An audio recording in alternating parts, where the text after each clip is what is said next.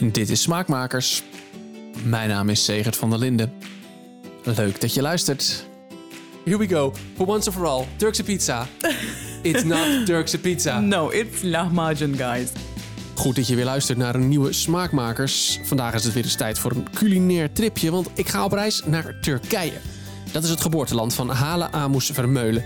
Zij woont sinds een aantal jaar in Nederland en is sindsdien hier een fervent promotor van de Turkse keuken. Dat doet ze op Instagram onder de naam Turkish Tale en nu ook met een boek. De Bijbel van de Turkse keuken is weer een lijvig boekwerk zoals je van de landenbijbels gewend bent. Hij staat vol met authentieke Turkse gerechten. Dus verwacht geen Turkse pizza. Hoewel, daar gaan we het wel even over hebben vandaag. Dat doen we in het Engels trouwens, want dat gaat halen een stuk beter af dan in het Nederlands. Dus ga er maar eens even goed voor zitten. Dompel je onder in de Turkse keuken. We beginnen met een klassieke vraag. Het is tijd voor een culinaire herinnering. For me, I think it's uh, one of the ones that I had. It, was in the book too. That uh, I remember because I spent all my summers in uh, at my grandparents' summer house. It was in the Aegean region, and so the produces were there so fresh. So my grandmother would often buy vegetables uh, in big bulk, and then she would prepare them to store for the winter. So one of the things I remember was just like peeling kilos, unshelling kilos of uh, borlotti beans. It's called kievitsbonen in Netherlands. yeah, ja. So that's one of the things I, I remember, just like a pile of uh, on a table, and I think just ten kilos, fifteen kilos, or something, even like maybe more. And that would be followed with tomatoes. And she would keep the peels of them, and then she would press them on a sieve to make tomato juice for us. And that was just like the biggest reward for me. So uh, I think when I just think about my childhood and food, it just like surrounds with my grandmother and my mom al- Yeah. always and helping them in the kitchen. So I think that's one of the biggest ones I remember. Yeah. they taught you how to cook. Yeah, yeah. And um, actually, uh, Turkish moms are a bit. Um, they have that thing, you know, like, oh, I'll, I'll do it myself. You know, you just Ah, you yeah, stay yeah, on the side. I'll do it. Yeah. And yeah, I think it's really good too because I just sit down and watched and absorbed everything I could see.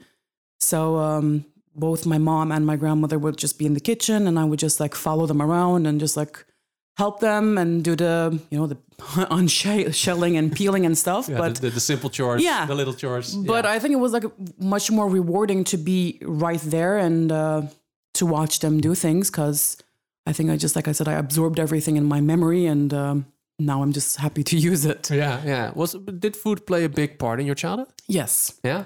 Yes, because uh, my father is Palestinian, so uh, he comes from a very big family. He has uh, nine brothers and sisters in total. So there were a very big family, and at mealtimes they were all together. So it all like twelve people on the table. Wow. Yes. Yeah. So he did have that um, tradition of having the family together during the meal times, and that's the same in Turkish cuisine too. So Middle Eastern and Turkish cuisine are so similar. So we do have that um, the food bringing everyone together during Yeah. the meal times. So we would have the weekend breakfasts, and every dinner time we would sit around the table. And of course, there are like special occasions like the Eid and New Year's. So it always was around food. yeah. And um, yeah, as, as much as I remember, it's just like surrounded by There was always food. Yes. food. there was always food somewhere. Yeah, yeah. That's that's something I hear a lot in these kind of podcasts. That um, food brings the people together. yes. Yeah, and it's not just we have to we have to eat because we have want to stay No. alive. No, food is important. What kind of dishes were there on the table? Oof, um, our fo- our meals take so long, and that's one of the things that is very different, I think, because we take things we don't just eat and finish because in the, in the Dutch cuisine, you know, like it's just it's a much more different. You just eat your meal and you end the meal, but in our in in our cuisine, it's much more like that's the time where you reconnect with your family. You talk about your day, and you see your dad and your mom and everything. So you share stuff, and so we we just have most of the time we start our meals with soup. Mm-hmm. And then that's followed with either an olive oil based dishes we have, it's like vegan or vegetarian dishes. And it can be some meze on the side, and then main dish with some rice or bread. And then it's followed sometimes with a dessert or fruit. So that's like a whole entire meal. Yeah. Yeah, yeah, that, that and, it, and that takes quite a while. Yes. yes. let, let, let's unpack it a little bit from there. Let's take that meal and let's unpack it a bit, and then I think that can tell us a bit about the, the Turkish cuisine. Yes. So you always start with soup.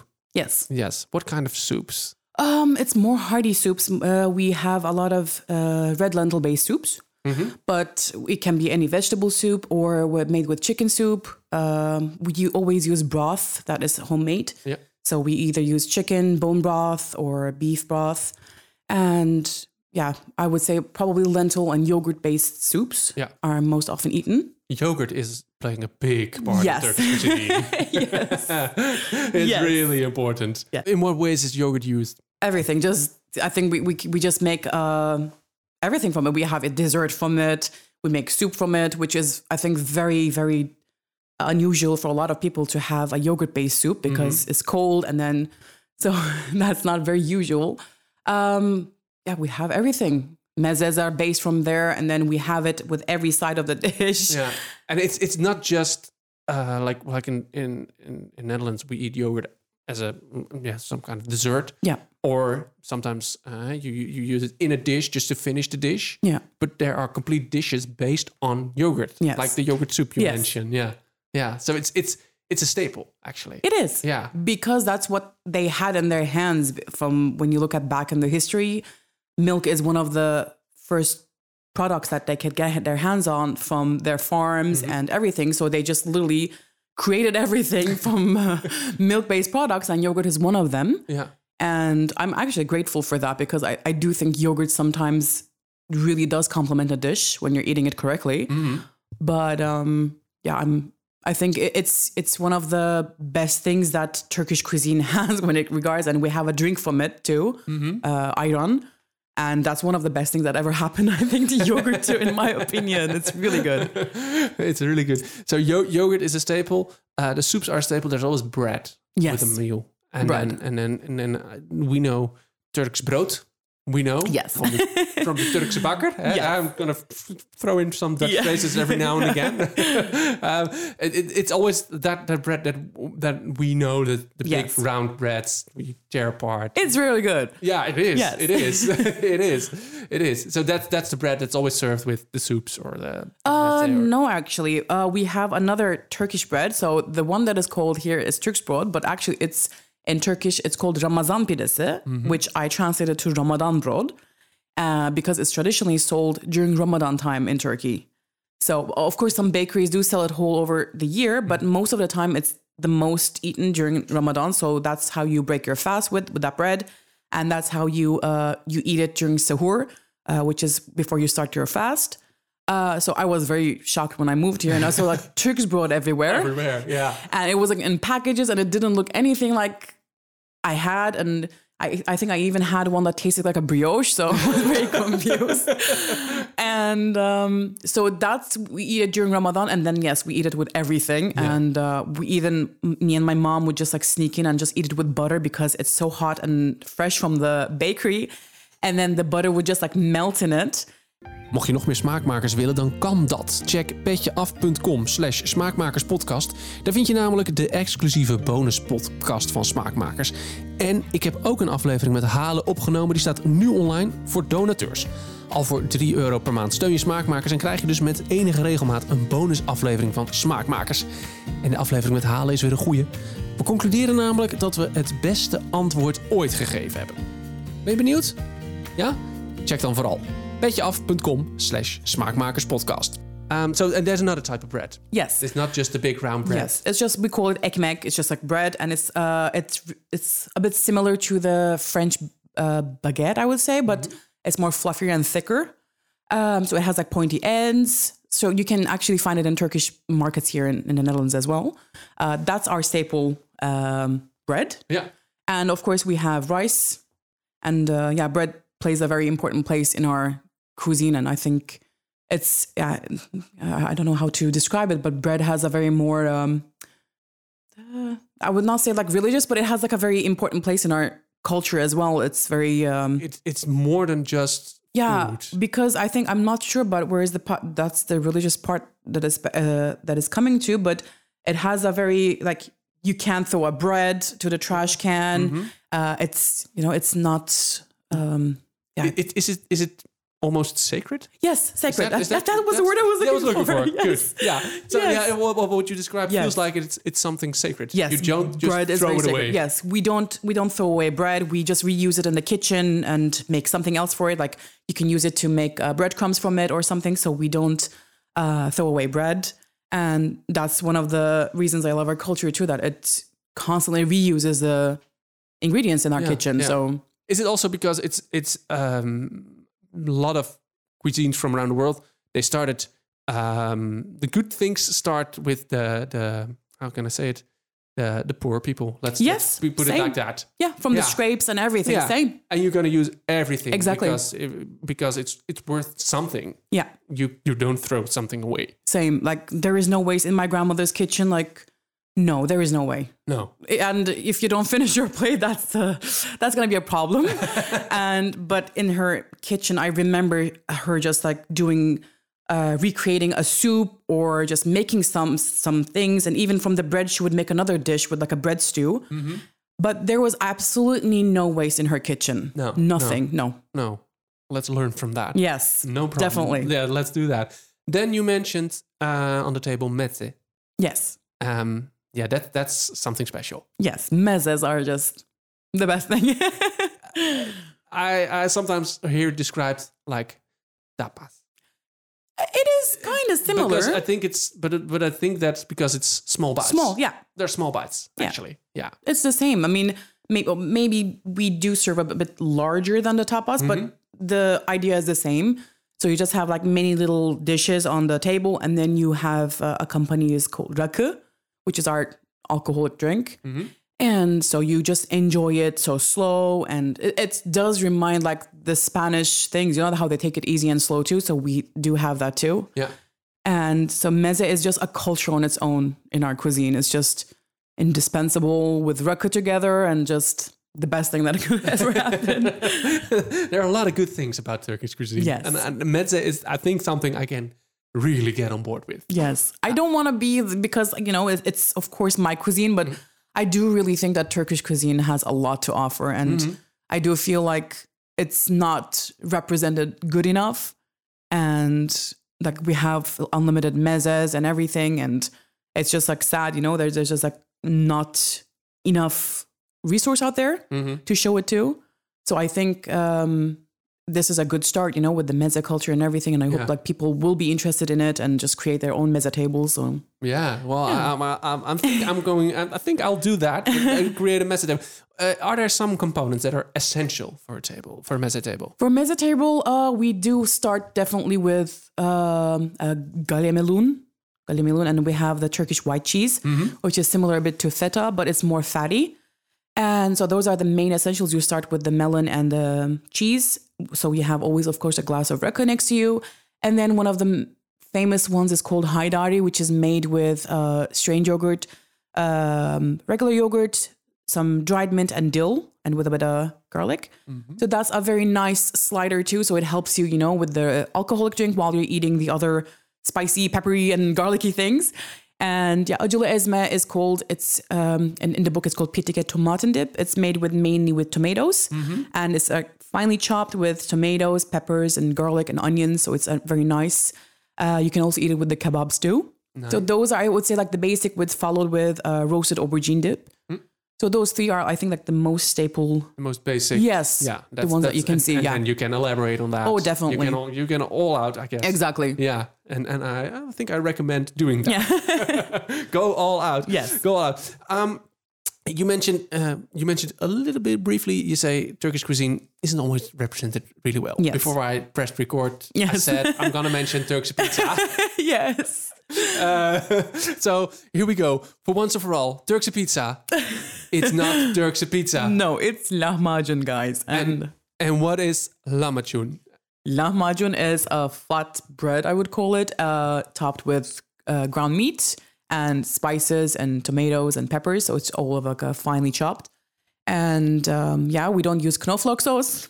No, That no. was a bit of a Yes. revelation for me the first time I heard that. I know, I know. It's uh, we don't have knoflook sauce in our cuisine. No. And that was a bit of a shock, starting with my husband too. Like, I could not no, no knoflook sauce, and he even joked about bringing in his own knoflook sauce whenever he was traveling to Turkey. And uh, so yeah, we don't have knoflook sauce, and we just eat with basic toppings. The lahmacun. So we have uh, uh, onion, uh, sumac onion salad. So we put that on some parsley.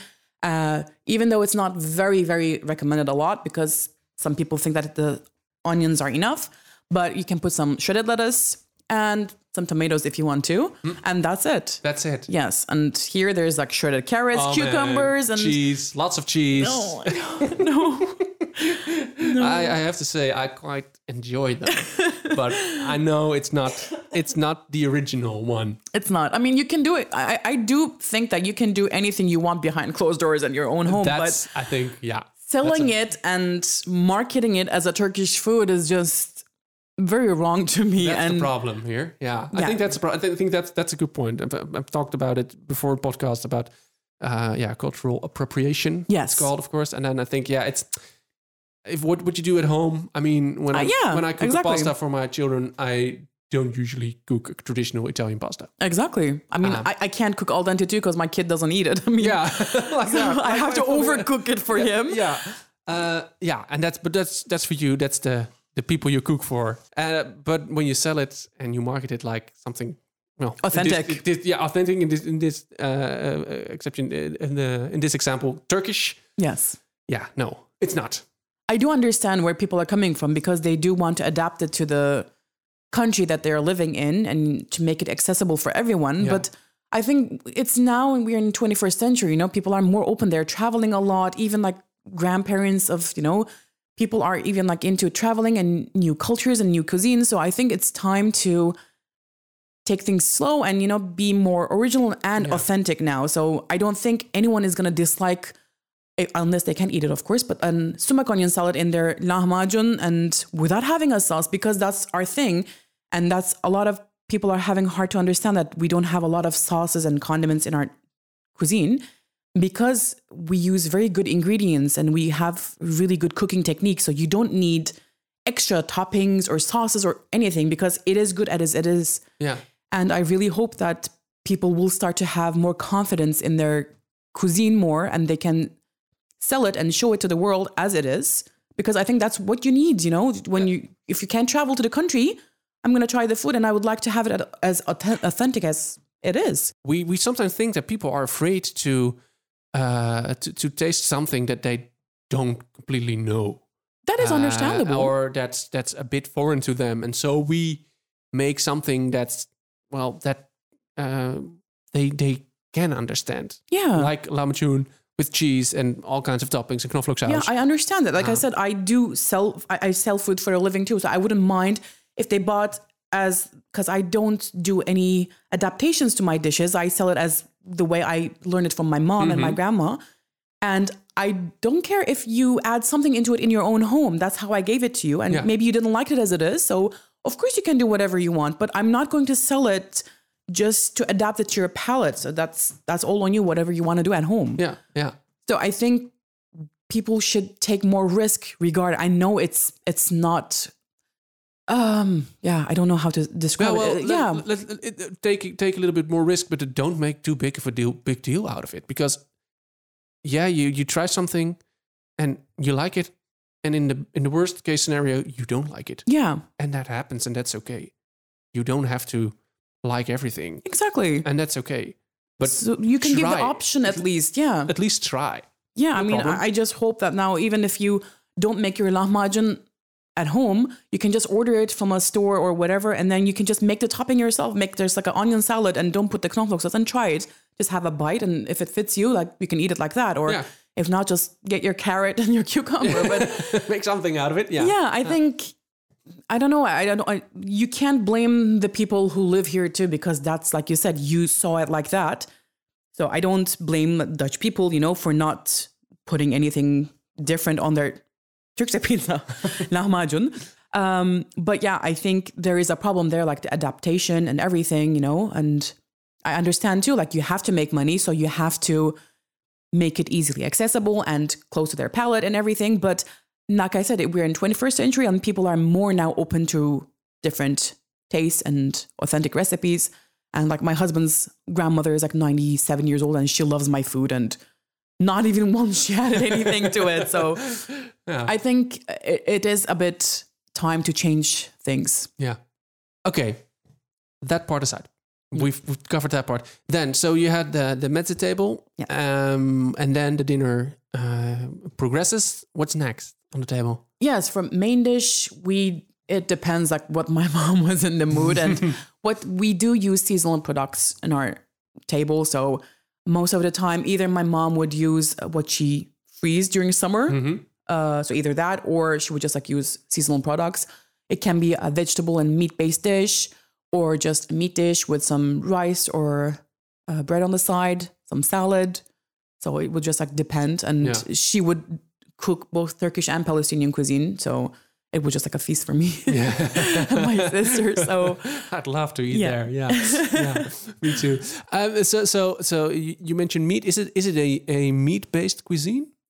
Uh, I would say uh, it's actually we have so many vegan and vegetarian dishes, which is very new information for a lot of people because we do have uh, in the Aegean region, it is a very heavily vegetable uh, region, based region. Um, so actually, I would say okay, seventy to thirty, maybe or sixty to forty. But yes, we we we do have meat heavily dishes, but it's easily adaptable to vegetarian and we do have a heavily vegetable based dishes as well because we do have a lot of uh, wild herbs and um, vegetables that goes and it's much more accessible for a lot of people Yeah, so we do have vegetable based dishes a lot too yeah, yeah. And and and as we mentioned, it's a it's a cuisine that started with the with the common people. Exactly. Uh, meat's expensive. Yeah. So I do remember like my grandmother would, would just like, be on the highway and then she would make my grandfather to stop the road car and then she would just like go to a field and just like pick some stuff and then she would like yeah dinner is ready and then just like oh okay okay. yeah so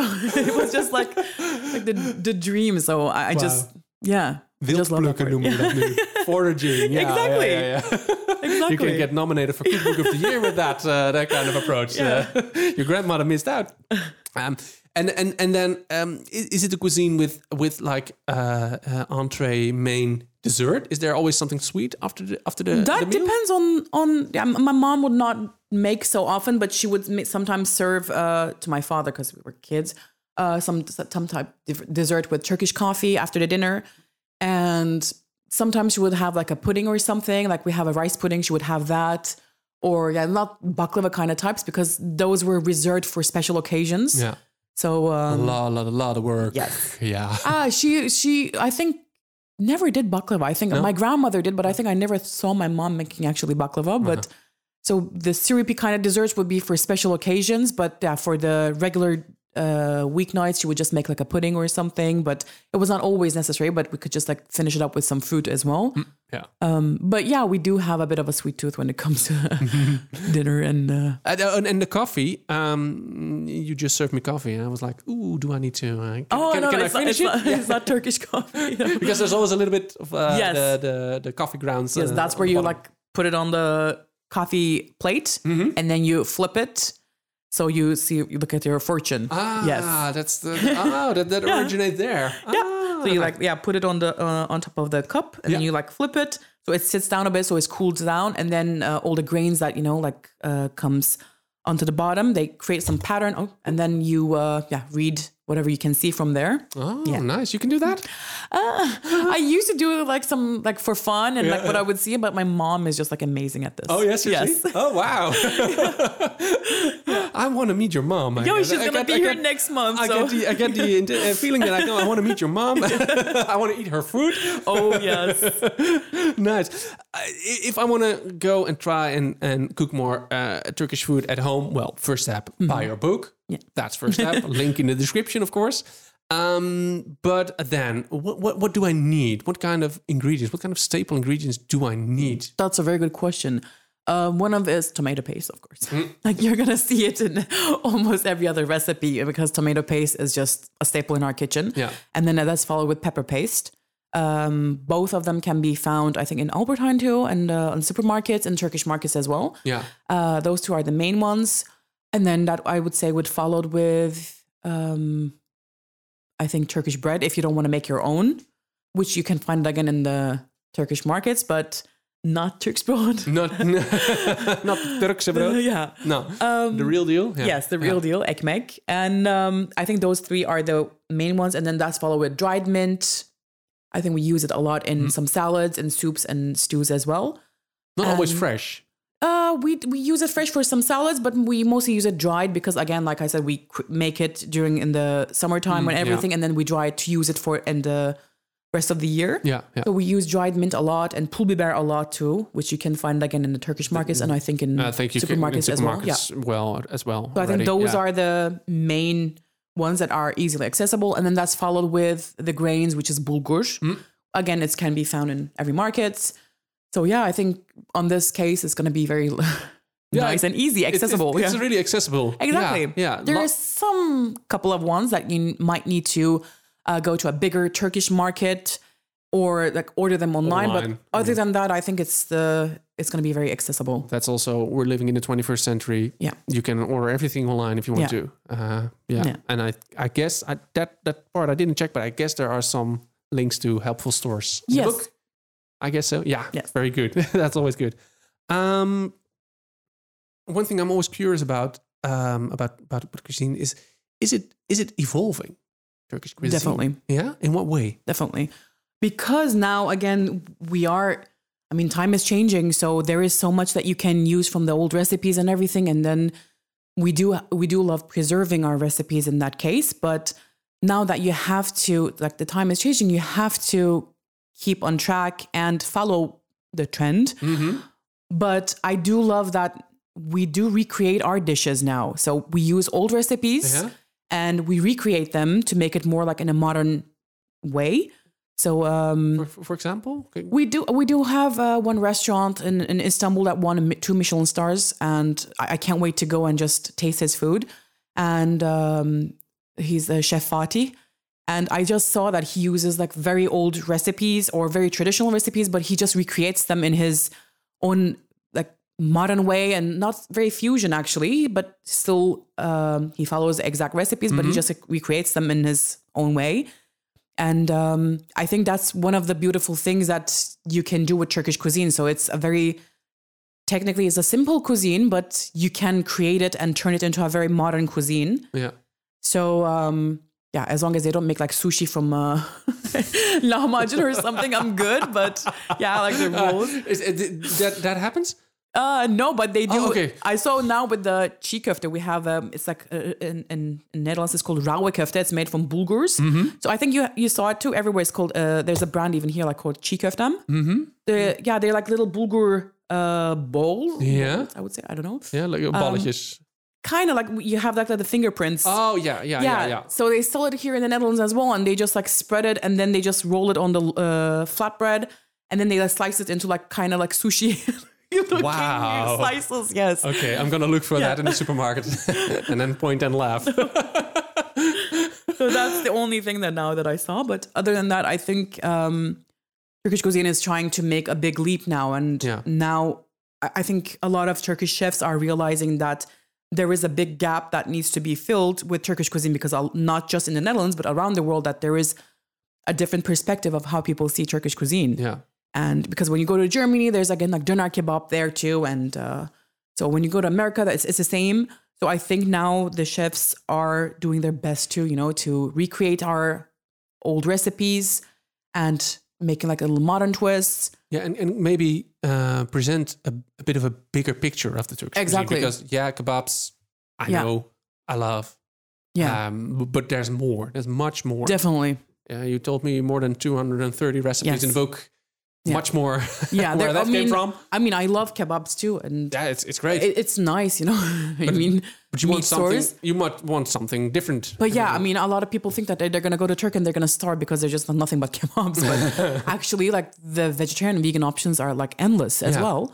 And so I do really hope that now with this book, people can say like, oh, okay, you know, like there's like great salads and great like vegetarian uh, dishes and like vegan dishes and everything that can try and go crazy for because I, mean, kebabs are nice. You can go and eat it at the store and uh, at a restaurant, but um, having vegetable based dishes is good for the entire family as well too, like with your kid and with your you know Well, yeah, for you everyone, too. I mean, yeah. for everyone. I mean, Exactly, so- needs needs the greens. Exactly. So I think it's it, it's a nice way to learn about a cuisine and you know to see from another side too that hey, there's vegetables and uh, nice desserts and this and that. Yeah. So I do really hope that this will guide them at least. It doesn't have to be anything, but just like guiding, and they can just recreate their own recipes as well too. Dit is Smaakmakers. Mijn naam is Segert van der Linden en je hoorde mijn gesprek met Hala Amoes Vermeulen. De Bijbel van de Turkse keuken ligt vanaf 28 oktober in de winkel. Bestellen kan al via de link in de show notes. En voor de liefhebbers, er staat dus ook een bonusaflevering van de podcast met Halen klaar. Luisteren kan op petjeaf.com slash smaakmakerspodcast. Hij is wel speciaal voor donateurs, maar doneren kan al vanaf 3 euro per maand. En daarmee steun je Smaakmakers en krijg je dus die bonuspodcast. petjeaf.com slash smaakmakerspodcast dus. Over twee weken is er weer een nieuwe Smaakmakers. Dan is het tijd voor het tweede deel van Smaakmakers en Suzanne. Mijn twee maandelijkse onderrondje met Suzanne Arets. Voor nu, bedankt voor het luisteren en tot de volgende Smaakmakers.